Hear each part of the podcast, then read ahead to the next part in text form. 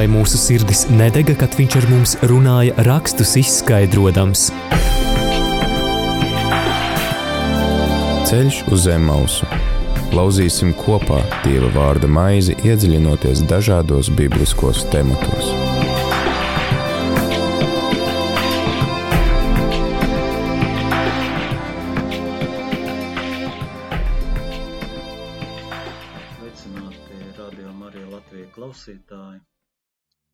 Ir atkal raidījums Ceļš uz Emausu, kurā mēs turpināsim lasīt svētos rakstus un pārdomāt šo lasīto fragmentu nozīmi arī mūsu dzīvēs un tieši mūsdienās, kā tas atspoguļojas un kā palīdz mums labāk izprast gan Kristus vēsti, gan arī mūsu dzīvi.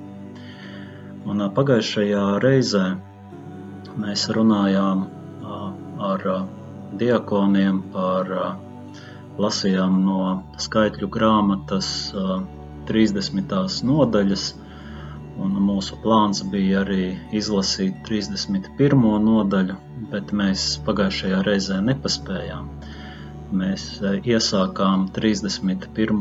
nodaļu, kur lasījām par šo karu pret Midiānu, kas uh, tika izrēliešiem pavēlēts, lai viņi ietu šajā karā un iznīcinātu tautu. Un, uh, mēs lasījām un pārdomājām, vai uh, šis aprakstītais karš skaitļu grāmatas uh, 31. un 32. nodaļā, vai viņš varēja būt patiesi noticis, vai arī viņš ir ielikts ar citu mērķi, proti, lai Izraēļa tauta savu, tā kā nostiprinātu savu identitāti pirms ieiešanas apsolītajā zemē. Šodien ar mani kopā ir mūsu ceļā viesis no Valmieras. Tas ir mācītājs Sandis Smilga, kurš savai, savu kalpojumu ir izvēlējies ar tādu jau nobriedušu skatījumu un tādu nopietnu, nopietnu pārdomu laiku. Un man liekas, arī izdzīvojis savu priekšvēsturi savā dzīvē un, un, un apjautis šo kalpošanu Kristum kā savu aicinājumu un dzīves lielāko vērtību.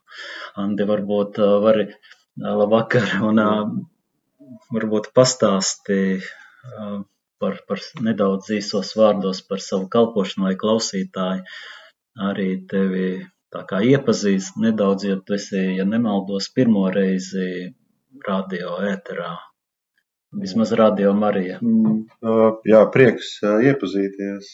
Paldies, Gati, par uzaicinājumu. Iet šo emaus ceļu vismaz īsu brīdi kopā ar tevi un, un dzirdēt atkal no jauna Dievu vārdu. Un, jā, Dievs man arī ir aicinājis būt par mācītāju. Šobrīd es kalpoju Matīšu un Alojas Lutrāņu draugzēs. Un, Dievs jā, man ir īpaši uzrunājis būt šajās lauku draudzēs. Un, man ir arī sieva, Olita. Mēs esam jau laulībā jau 35 gadus, un mums ir pieci bērni. Edgars, Ieva, Katrīna, Kristaps un Anna. Un šobrīd mums jau ir arī divi mazbērni, Elīze un Estere. Un, un, jā, šodien mēs esam kopā, lai lasītu Bībeli. Jā, bet man liekas, tu vēl visu nepastāstīji. Tu arī esi saistīts ar kādu kopienu Jā, jā nu man jā, tur ir vēl ir daudz ko stāstīt, ja, ja grib zināt tādas lietas par kopienu Šamanaf arī. Tāpēc, ka mēs jā. tur principā iepazināmies. Jā, iepazināmies jā, Kāna, jā, kopienai Šamanaf lielākā misija ir Kāna, tieši kalpošana ģimenēm un, un jā, es piecus gadus biju atbildīgais par kopienu Šamanaf, šobrīd es esmu šo atbildību nodevis Kasparam Poikānam, Viņš ir uzņēmies tagad vadīt Latvijā kopienu, un, un mana atbildība ir arī mm, tādā ikdienas gaitās arī vada uzņēmumu sano firmu. Uh, tā ir veļas mazgāšana un ķīmiskā tīrīšana, kur pārsvarā vada man vecākais dēls, bet mēs kopā arī ar to nodarbojamies. Jā, paldies, Andi. Tagad klausītāji arī tev bija laiks jau sameklēt savus svētos rakstus, bībeli, lai varētu atšķirt to vietu, kur mēs turpināsim lasīt. Tā ir skaitļu grāmatas, jeb 4. mūzus grāmatas, 31. nodaļa. Un mēs turpināsim lasīt šos, šo nodaļu no 13. panta. Un īstenībā ļoti interesanti mums ir iekritis, ka šo fragmentus, kurā tiek runāts joprojām par karu un kara sekām vai notikumiem tūlīt pēc kara, mēs pārunājam un lasām arī šobrīd tādā Latvijai varbūt brīdī, kad atceramies visus mūsu neatkarības cīņas, gan šo cīņu ar Bermuda karaspēku, kur arī principā ne bez dieva palīdzības ar tādu mazāku spēka samēru spējām izcīnīt savu neatkarību. Un Tā pašā laikā, skatoties pasaulē, kur ļoti aktuāli paliek šīs kara problēmas, pirmkārt jau karš Ukrainā, karš tojos austrumos, kas dažreiz liekas, ka nu, cik var karš ir mums šeit visapkārt, visur mēs atceramies un vēl svētajos rakstos lasam par karu.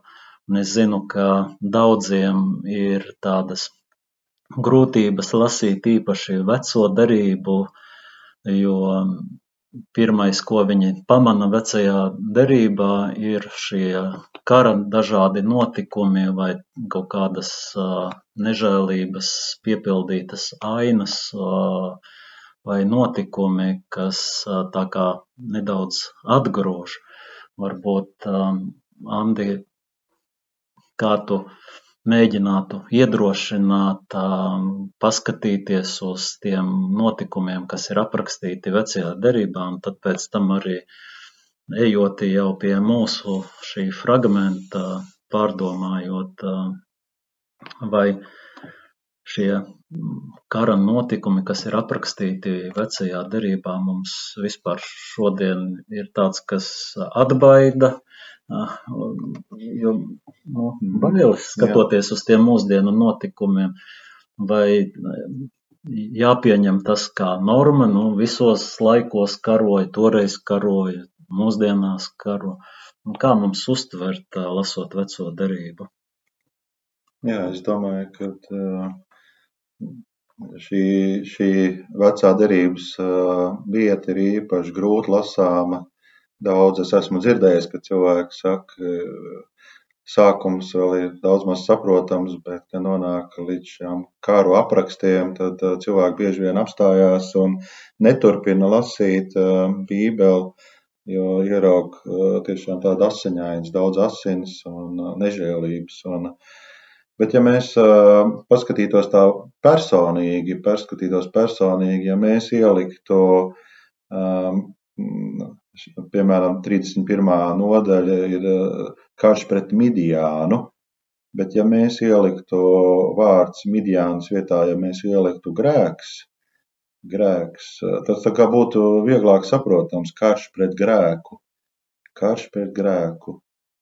Ko tad midiānieši darīja? Viņi bija pagāni, kuri pielūdza bālu, alkus, auglības dievi bija dažādi, viņiem bija katrai pilsētai bija dažādi tur dievi un kas tur viņiem bija izdomāti, un, un dievam nu riebās tās lietas, un viņš aicināja atteikties no šiem alkiem, un viņi bija fiziski arī jāiznīcina.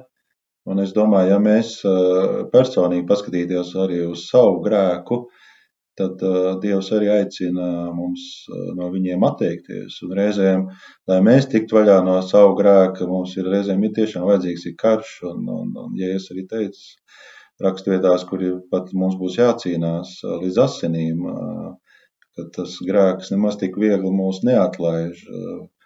Mēs paši zinām, katrs savu personīgu stāstu. Tie, kas ir mēģinājuši no kādām atkarībām tikt vaļā, vai no tiem alkiem, kas mums ir bijuši mīļi un dārgi, pamēģiniet tikt vaļā. Nemaz nav tik viegli. Tur vajadzīgs ir Dieva spēks un Dieva tāda vadība, lai mēs tiešām tās cīņas izcīnītu. Un reizēm Dievs saka, pilnībā jāiznīcina, neko nepaturiet. Tur Turpat ir jāiznīcina visa tā dzimta, vīrieši, sievietes, bērni, viss. Nu, tas ir vairāk tā kā simboliski, ja tā, ja to uztvert simboliski, tad varbūt vieglāk būtu arī lasīt to bībeli. Tā tīri sasaistītā personīgi. Un uh, viss jau iesākās, viss posts cilvēcē iesākās ar nepaklausību, ar grēku. Tas arī sākās tas karš, un neienāca. Tur nav miers. Miers nav, ir karš, un, un tas jau ir jau no paradīzes laikiem, no Ādama un Ievas laikiem. Jā, Vecajā darbā mēs ļoti daudz šo uzsvaru varam just par to, ka jāpaklausa Dievam. Ja nav šīs paklausības, tad notiek kaut kas nenovēršams, kaut kas nu, briesmīgs tautai un vienmēr ir kaut kādi upuri. Ja tik līdz man ir nāve, jā, ir apsolījums, jā. Adamam un Ievai teica, ja jūs nepaklausīsiet, ienāks nāve, būs nāve.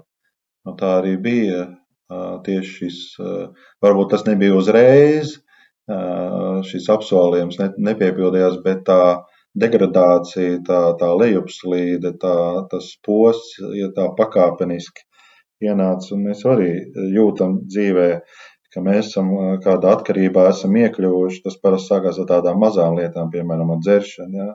Nu, tikai nedaudz, ne bišķiņ vienu glāzīt, otru. Tad man tāda dzīves situācija, problēma, un, un es jūtu, ka varētu to glāzīt tā kā uzvarēt tās grūtības, bet es esmu jau iekļuvis tādā slazdā, uh, kurā es jau esmu iestīts un es jau degradējos eh, gan morāli, gan arī es valku arī līdz savus līdzcilvēkus un, eh, un tā iet postā vesels tautas. Es domāju, ka nepavelt mums arī Latvijai problēma, tieši alkoholismu problēma. Tas mūs viss valk. Bet paldies Dievam, kad ir iespēja kā tikt vaļā. Jā, nu, lasot šodien izvēlēt tātad fragmentu, kuru mēs turpinām lasīt, Dievs pavēlēja Izraēla tautai iznīcināt midjāniešus. Un mēs jau sākām lasīt 31. nodaļas sākumā, ka šis karš arī notika, un tad no 13. panta mēs lasām par to, kā viņi atgriežas no kara Un 31. nodaļas 14. pantā lasam, ka Mūzus sadusmojās uz pavēlniekiem, kas bija atnākuši no kara, un teica: kāpēc jūs atstājāt dzīvas visas sievas? Tā tad nebija līdz galam tā kā izpildīts tas uzdevums visu iznīcināt, bet atnes, atveda mājās atpakaļ no kara ne tikai laupījumu, bet vēl arī nu, jā, sievietes un bērnus. Un tad uh, sekoja uh, pēc tam šī pavēle arī viņas uh, iznīcināt, atstāt tikai tās, kas nav pazinušas vīru. Vai tas arī nešķiet tā, kā mums skatīties uz šādu epizodi, tomēr liek izpildīt līdz galam šo dieva pavēli, vai to te mēs varam redzēt tikai tādu kā paklausību, vai arī tomēr tam ir jēga, kāpēc jāiznīcina tomēr bija. Jā, es domāju, ka tam bija jēga. Ja, ja mēs tā paskatāmies tā, uz to, uz ko Mozus aicināja iznīcināt visu, bet ja mēs paskatāmies, ka tās sievas, tās sievietes pierunāja, pierunāja tos virsniekus palikt, lai paliek viņas dzīves. Es domāju, ka tas ir saistīts ar seksualitāti, ka šīs sievas kārdināja šos vīrus, šos karavīrus, lai viņas paliktu dzīvas.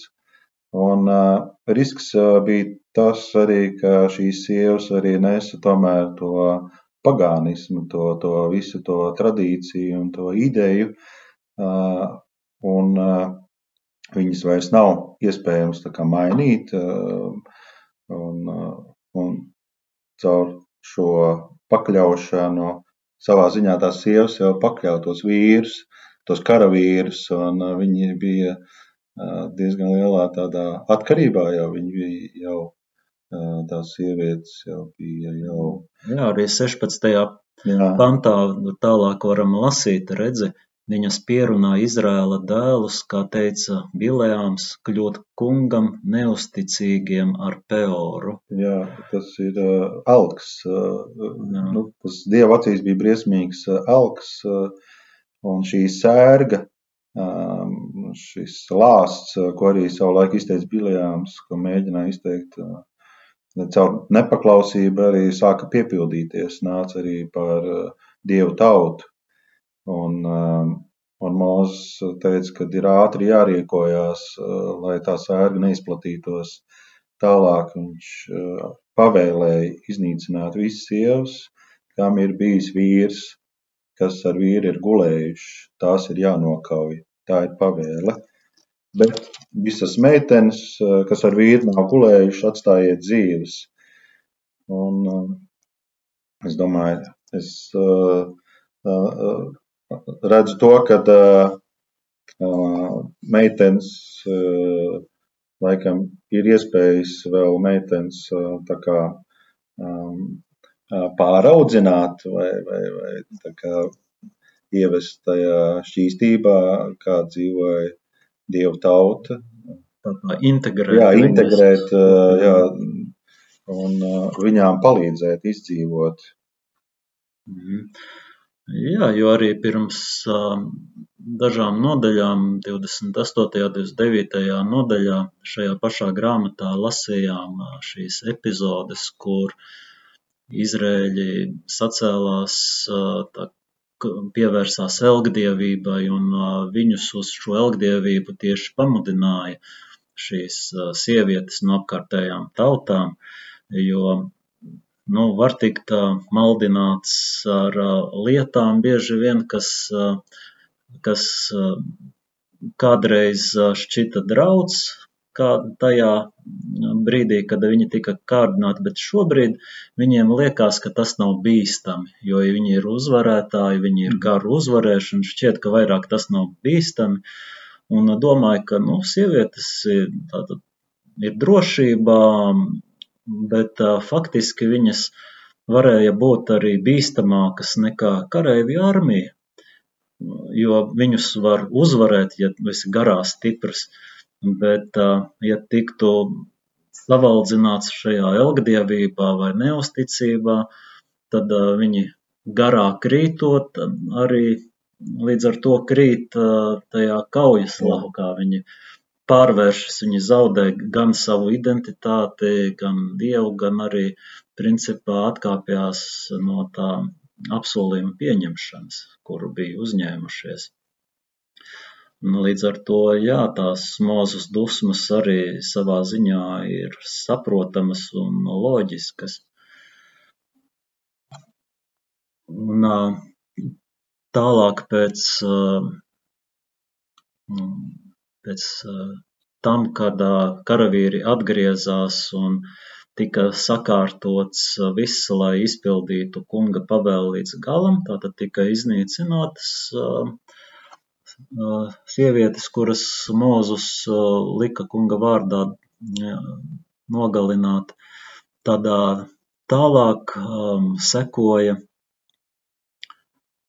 visa pārējā laupījuma šķīstīšana. Um, mēs tālāk varam lasīt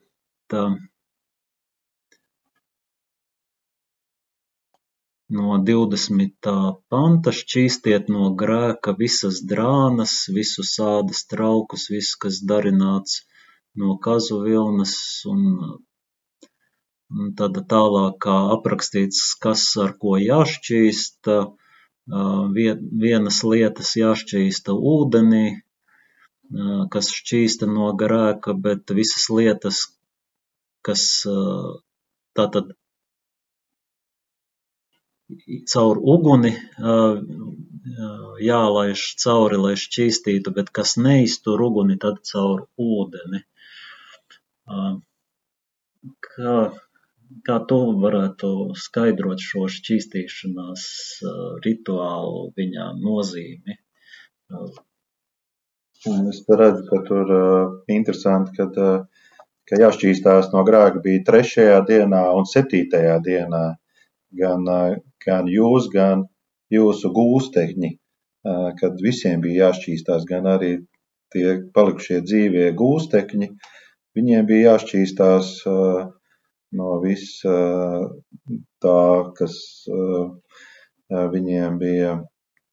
Un, jā, tā šķīstīšanās, es domāju, ka ir ļoti svarīga, kad ūdens ir tāds simbols, kas mazgā tīru un kas šķīsta no grēka. Un, un interesanti, kas ir tās lietas, kas tika caur uguni, kas tās es tādu, es neesmu tā, tā dzirdējis, kā pie mums kaut kādas lietas šķīstīt ar uguni.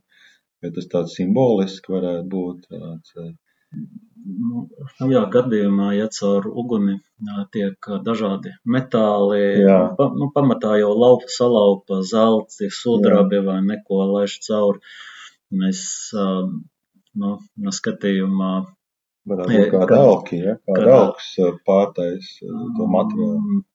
Vienkārši tie ir, jā, tie ir priekšmeti lietas, ko ir midiānieši izmantojuši. Jā lai varētu Izraēļi izmantot savās viņiem ceremonijās tālāk mm. uh, dzīvē, tad nu, viņiem tā kā jāatbrīvojas uh, no tā, no tā uh, visa liekā, no tā, kas ir tā kā ap šo priekšmetu, no viņam piesūcies, ja tā varētu teikt, jo uguns, piemēram, kad kausē zeltu, uh, kad viņu sakarsē kārtīgi, tad viņam virspusē parādās tie sārņi visi, mm. kurus tad noņem nost, un es pieņemu, ka ar uguni varētu būt no tāda doma, ka uguns tieši um, šķīsta tādā veidā, ka liek tam visiem uh, kas nav pareizs, kas ir grēcīgs, tā kā pazust, ka Dievs spēja tādā veidā atbrīvot. Šajā gadījumā priekšmets, bet arī, ja mēs paskatāmies, tad arī mēs bieži vien runājam par cilvēkiem, kas iet cauri uguni un ūdeni, vai ne? Ka caur kaut kādiem pārbaudījumiem mēs tiekam tā kā šķīstīti paši.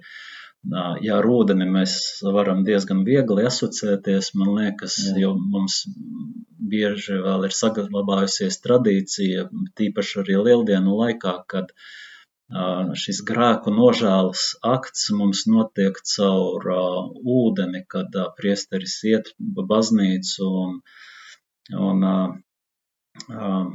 tā kā nu, lej pār visiem šo ūdeni, caur kuriem tas kā grēku un tāds nožēlas rits, akts, kurā laikā attīrās cilvēki.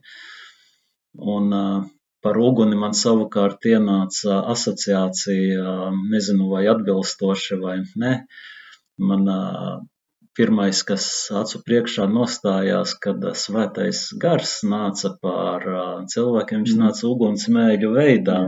Un, principā, viņš ir tas, kas pārliecina par grēku, atklāja to mūsu grēku, mēs ieraugam, tad mēs varam nožēlot. Tad Dievs ir tas, kurš to grēku, kas pēc tam uzpeld no tevis, kā zeltu kausiet, viņš tā kā uzpeld augšā un Dievs tā kā noņem nost visu, tā kā mūs padara šķīs. Mm. Nu, es, jā, es sev arī šādu asociāciju izveidoju mm. ar šo šķīstīšanas uh, rituālu, bet uh, principā domāju, ka mūzus laikā tas vairāk bija domāts tīri, lai šo, padarītu šos priekšmetus ceremoniāli tīrus, uh,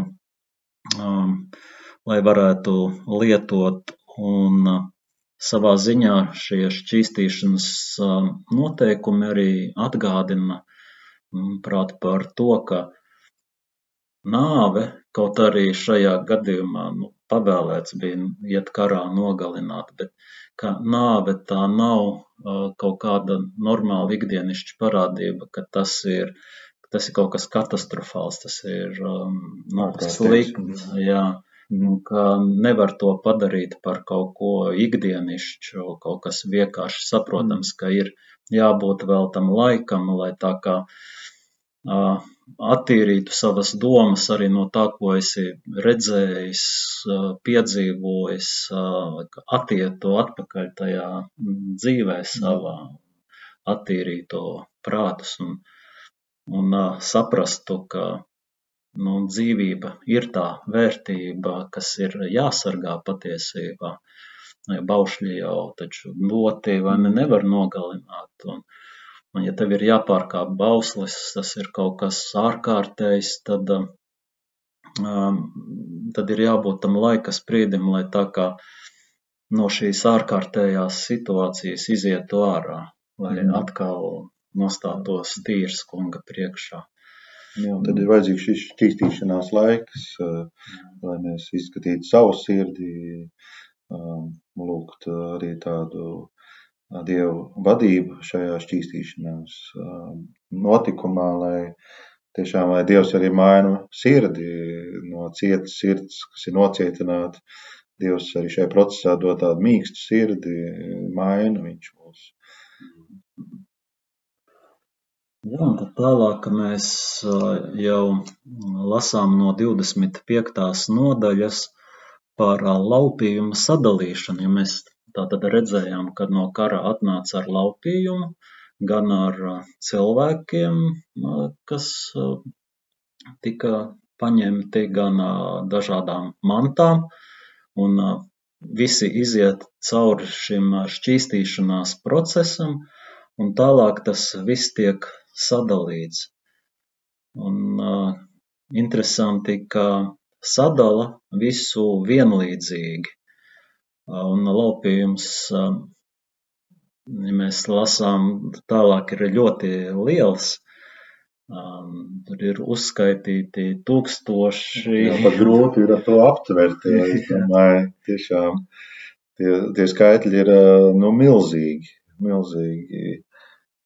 Tā grūti ir pat iedomāties, kādos apjomos tas viss tur notika. Un, bet tā sadale, es domāju, bija ļoti tāda godīga. Neatkarīgi no tā, kurš bija tur karā un kurš bija tur mājā, bija palicis. Un, es domāju, te varam redzēt arī tādu, tādu kolektīvu, tādu kolektīvu atbalstu, tādu, tādu komandu, viņi ir visi viens par vienu, visi par visiem. Un, nu, tāda, tāda pleca sajūta, ka viņi var izdzīvot tikai kopā, nevar individuāli izdzīvot. Jā, jo parasti jau karos taču tā kā tie, kuri vairāk nu, vīrus dod, nu, vairāk iesaistās, Jā. tad viņi lielāku laupījumu sev paņem. Bet šajā gadījumā visi arī vienlīdzīgi vairāk vai mazāk iesaistījās visas ciltis. Nu, laupījumu arī sadala vienlīdzīgi neatkarīgi no tā,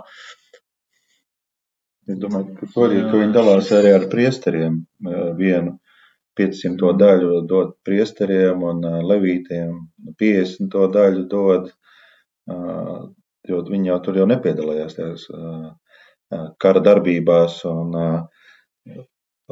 viss tiek sadalīts, varētu tā teikt, godīgi. Jā. Tā. Jā.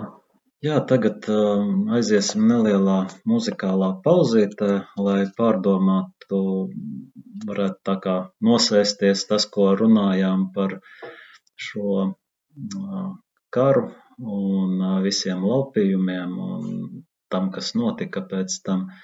Un tad tālāk lasīsim jau 32. nodaļu. Šķīstī sirdī man, gribu būt kā zelts, un kā sudrabs spīdēt šķīstī sirdī man, gribu kā vistīrākais sudrabs būt. Nāc, uguns, nāc, nāc šķīstī sirdī man, augstu būt.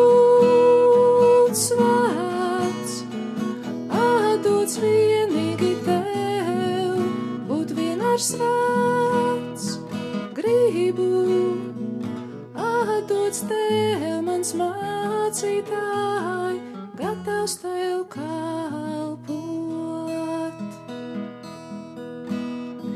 Šķīstī sirdī man savās asinīs, visu svētākajā šķīstī sirdī man no apslēptajiem grēkiem šķīstīt to.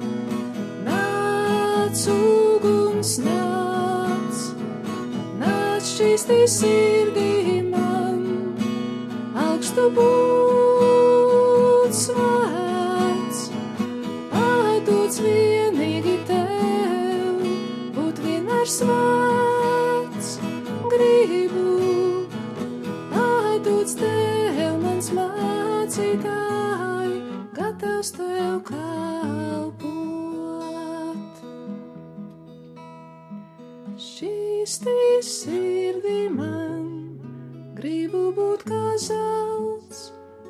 kā sudrabs spīdēt šīs tīs sirdī man, gribu kā vistīrākais sudrabs būt. Nāc, kungs nāc, nāc šīs tī sirdī man, augstu būt svēts,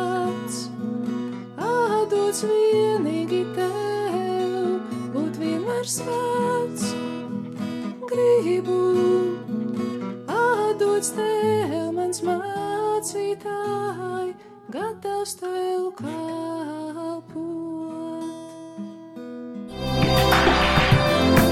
Ceļš uz zem mausu.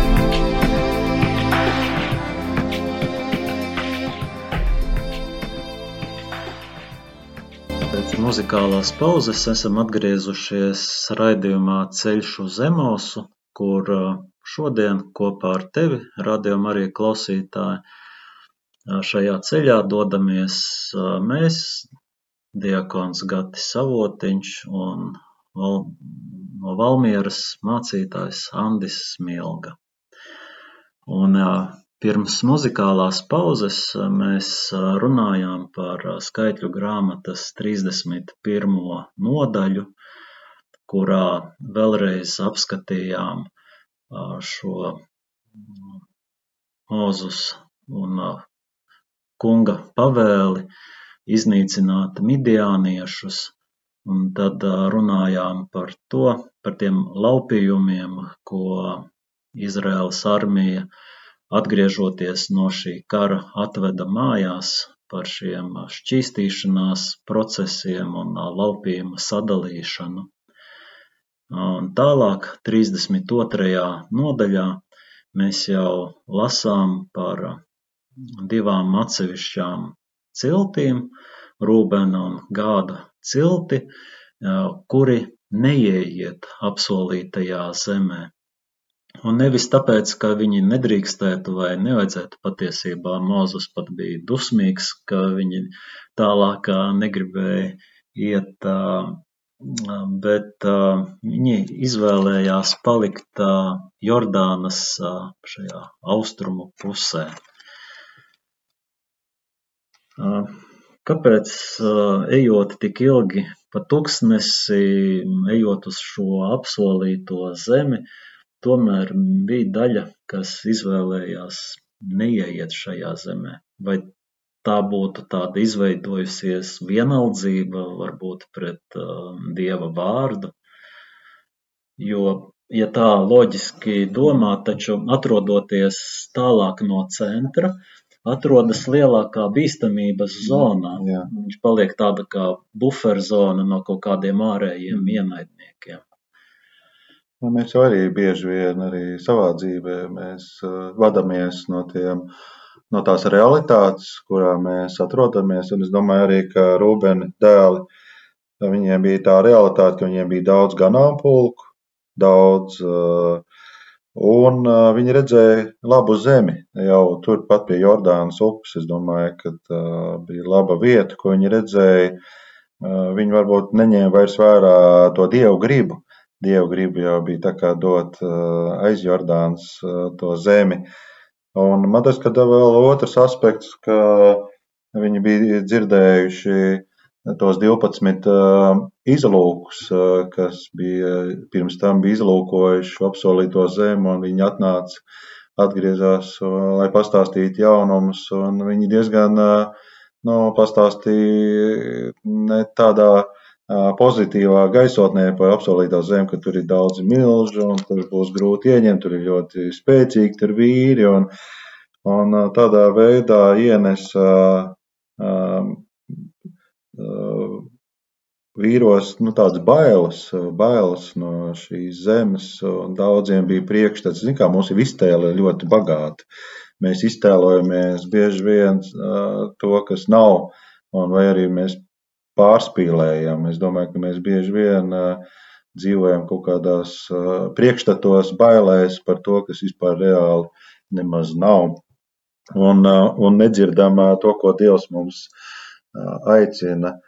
Un no šiem 12 izlūkiem divi bija tie, kas bija drosmīgi un viņi iedrošināja, ka ir jāiet un jāiekaro šī apsolītā zeme, un to mēs zinām. Tas bija Jozua un Kalebs. Ja? Kalebs, šie divi vīri, kur arī beigās arī tikai iegāja šajā apsolītajā zemē no šīs vecās paudzes. Pat mūzis tikai redzēja no attāluma, no kalna redzēja šo apsolīto zemi. Es domāju, ka uh, viņi sarunāja pēc tam ar mūzu, tā kā savā ziņā darījums. Ja? Labi, lai tie lopi paliek un izveidoja šīs nocietinātu, apcietināja nu, tās pilsētas un izveidoja, kur palika cilvēki, bet tie karavīri gāja līdzi, lai atbalstītu pārējās ciltis, lai atbalstītu šo ieiešanu šajā apsolītajā zemē un iekarotu. Jā, es arī lasīju, ka 70. un 80. gados pagājušā gadsimta veica pētījumu, ka šajā teritorijā um, nebija, nu, šī teritorija nebija biezi apdzīvota, ka um, bija ļoti piemērota tādām ganībām tieši, kur šiem ganāmpulkiem, jo 32. nodaļas sākumā mēs lasām, ka Rūbena dēliem un Gāda dēliem bija ļoti daudz ganāmpulku, un viņi šo vietu ievēroja, tātad viņa nav tāda tik biezi apdzīvota, ka lopiem ir kur izvietoties, un viņi tā tīri praktiski piegāja droši vien mm. pieņēma to, ka šķērsot Jordānu arī savas pūles mm. ar ganāmpulkiem, un tā, mm. ka, nu, labāk, ka palikt šajā pusē un Saka, šeit un tagad. Jā, jā. Un taču Mozus jau dusmojās, varbūt ne tikai tāpēc, nu, ka viņi negrib ieiet apsolītajā zemē, bet viņš tā kā baidījās no tādas šķelšanās, mm. ka viņi tādā pašapmierinātībā paliek vienā pusē, un kamēr pārējie vēl cīnās par apsolīto zemi.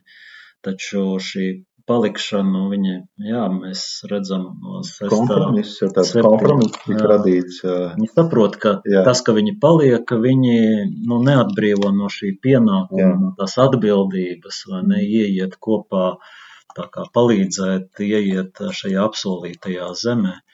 Un tad uh, viņi piekrīt uh, un uh, dod savus vīrus šim karam, šim uh, šim, šai ieiešanas. Šai apsolīties, jā. jā.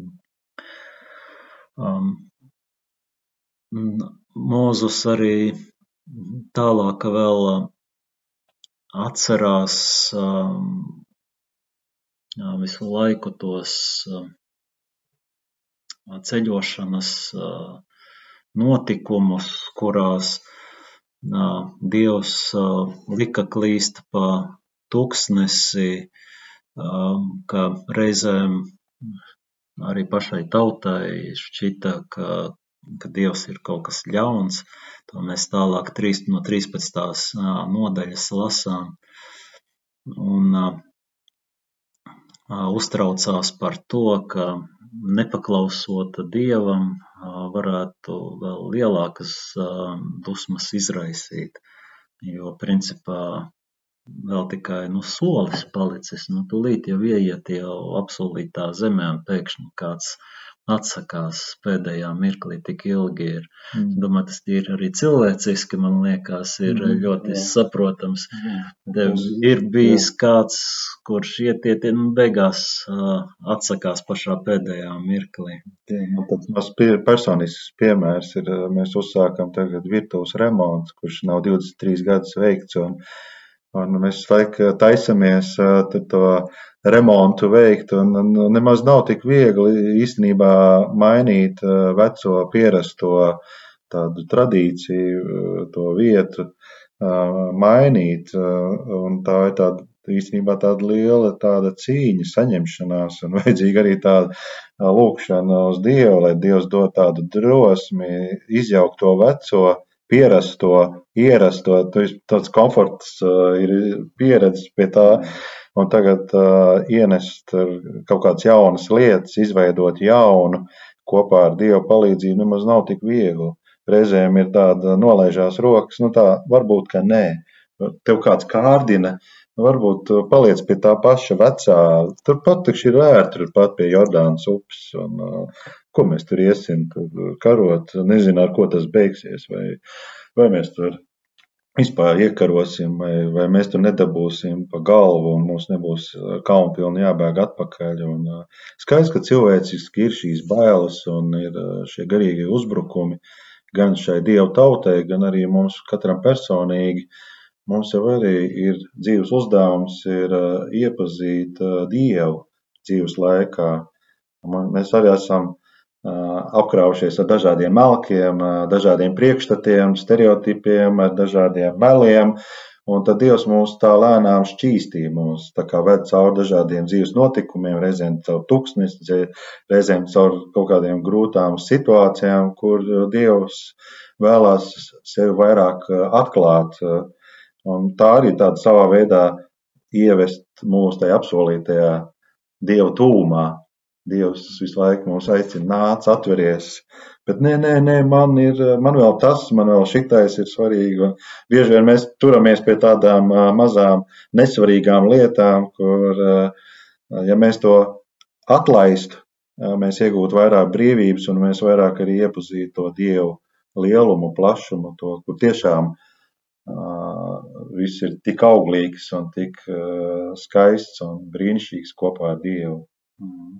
Jā, jā, tā tas ir. Un, uh, lasot arī šo fragmentu, šķiet, ka uh, tas attiecas gan personīgi uz katru, bet arī kā uz tautu, uz kaut kādu nu, kopēju kolektīvu. Tas viens pats neesi tā tikai par sevi atbildīgs. Tu esi atbildīgs arī par uh, visiem tiem, kas tev ir blakus, ko, kuru vidū Dievs tev ir nolicis, lai būtu kopā un iet uz priekšu. Un, un izskatās, ka šie Rūbena un Gāda tēli to saprot un apzinās.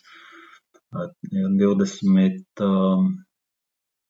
pirmā pantā tālāk lasām šo mūzus teikto viņiem, ja ik viens no jums bruņosies iespāri Jordāna kunga priekšā, līdz viņš būs padzinis savus ienaidniekus un zeme tiks iekarota.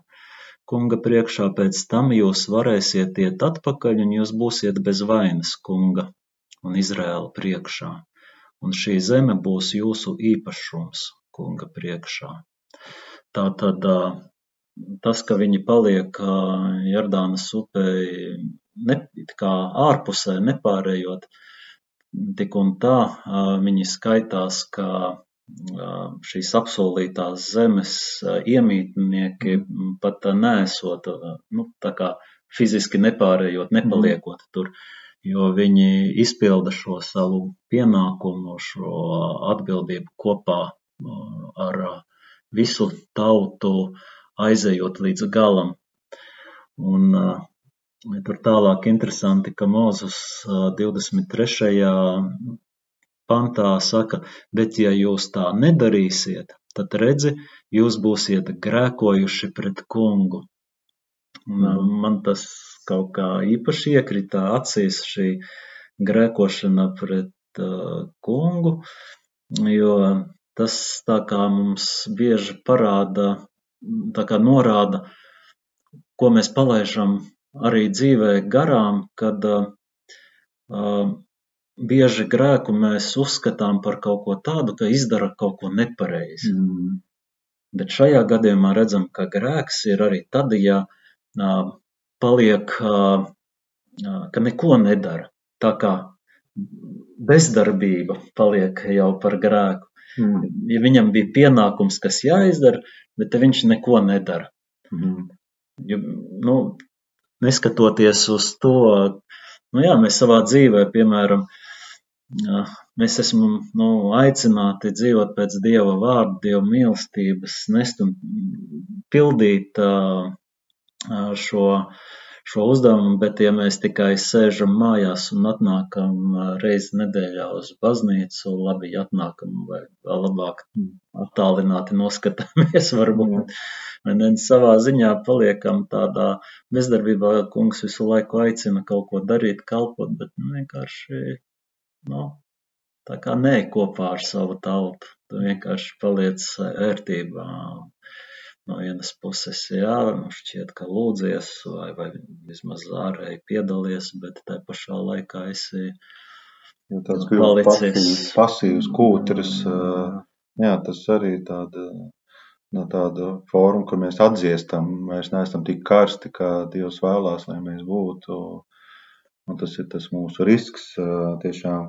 Un tad arī tur tālāk Dievs arī brīdina, Ja mēs tā darīsim, tad mūsu grēks arī mūs uzmeklēs, un tas arī mūs nomocīs, un, un tas arī mūs beigās izpostīs. Un, tāpēc Dievs kā brīdina, aicina paklausīt, tad arī tas būs tāds auglīgs laiks kopā ar Dievu, un tas arī cels paša cilvēka dvēseli cels tā garīgi, jo visu laiku jau notiek šī cīņa starp to zemi, starp tiem elkiem, starp to auglības, tiem dievības, ko tur tā kā var praktiski, tā kā var sajust, saņemt, sataustīt, bet šīs garīgās lietas, tas ir vairāk tā, ko Dieva tauta aicina izdzīvot garīgi, tieši pielūgt Dievu, pateikties dzīvajam Dievam, ka Viņš ir reāls Dievs, un kas arī ir apsolījis, ka Viņš rūpēsies par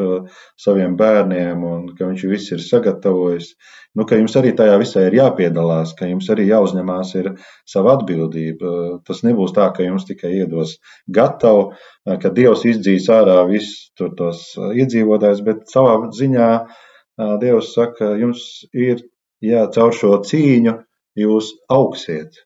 Jūs paši uzņemsieties atbildību, jūs paši iepazīsiet, cik jūs esat vāji vai cik jūs esat stipri šajos visos notikumos, šajā ceļojumā, šajās cīņās. Jūs iepazīsiet gan sevi, gan arī tas, kas jums ir blakus, brālis vai māsa, un jūs iepazīsiet arī visu savu tautu, kam tam mēs vispār esam aicināti, kāds ir mūsu kopīgs uzdevums.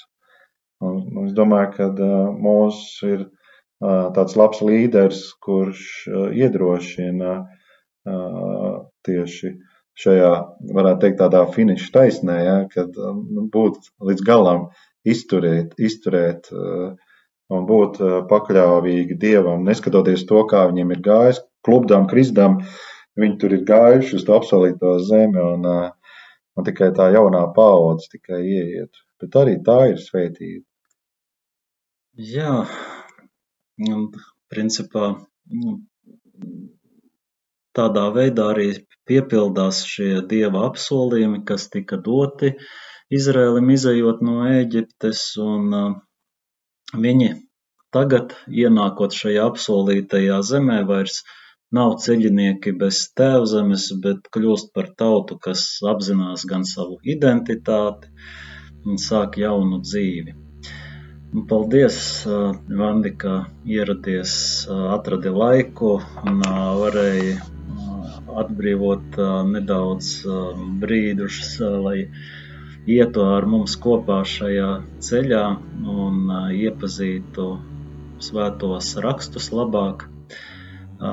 Savukārt, jums klausītāji, es atgādinu, ka Jautājumus, komentārus vai pārdomas jūs varat rakstīt arī uz īsiņu tālruni 266, 77, 272 vai rakstīt uz studija rml.clv.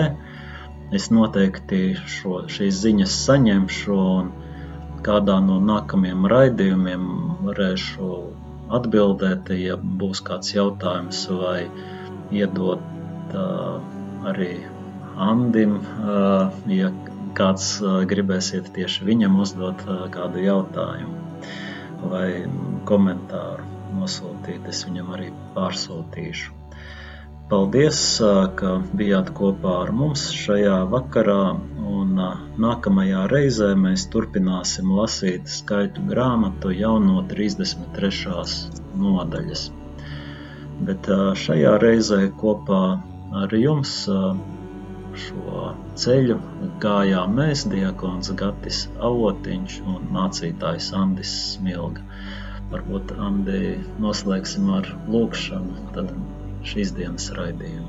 Jā, paldies, Debes Tēvs, par Tavu mīlestību uz mūsu katru sirdi un ka Tu tiešām redzi mūs vislabāk, mēs lūdzam šķīstī mūsu katru mūsu tajā vietā, kur mēs šobrīd atrodamies, šķīstī ar savu svēto garu, pieskaries mūsu sirdīm, un lai mēs svēto rakstus arī saprastu tā skaidri, un ka mēs to varētu arī savā sirdī ielikt, un ka mēs varam arī to ikdienā izdzīvot, lai mēs kļūtu līdzīgāk Tavam dēlam Jēzum Kristu, un paldies, Tēvs, ka tu mūs ļoti mīli un ka tu vēlies, lai mēs būtu visi kopā.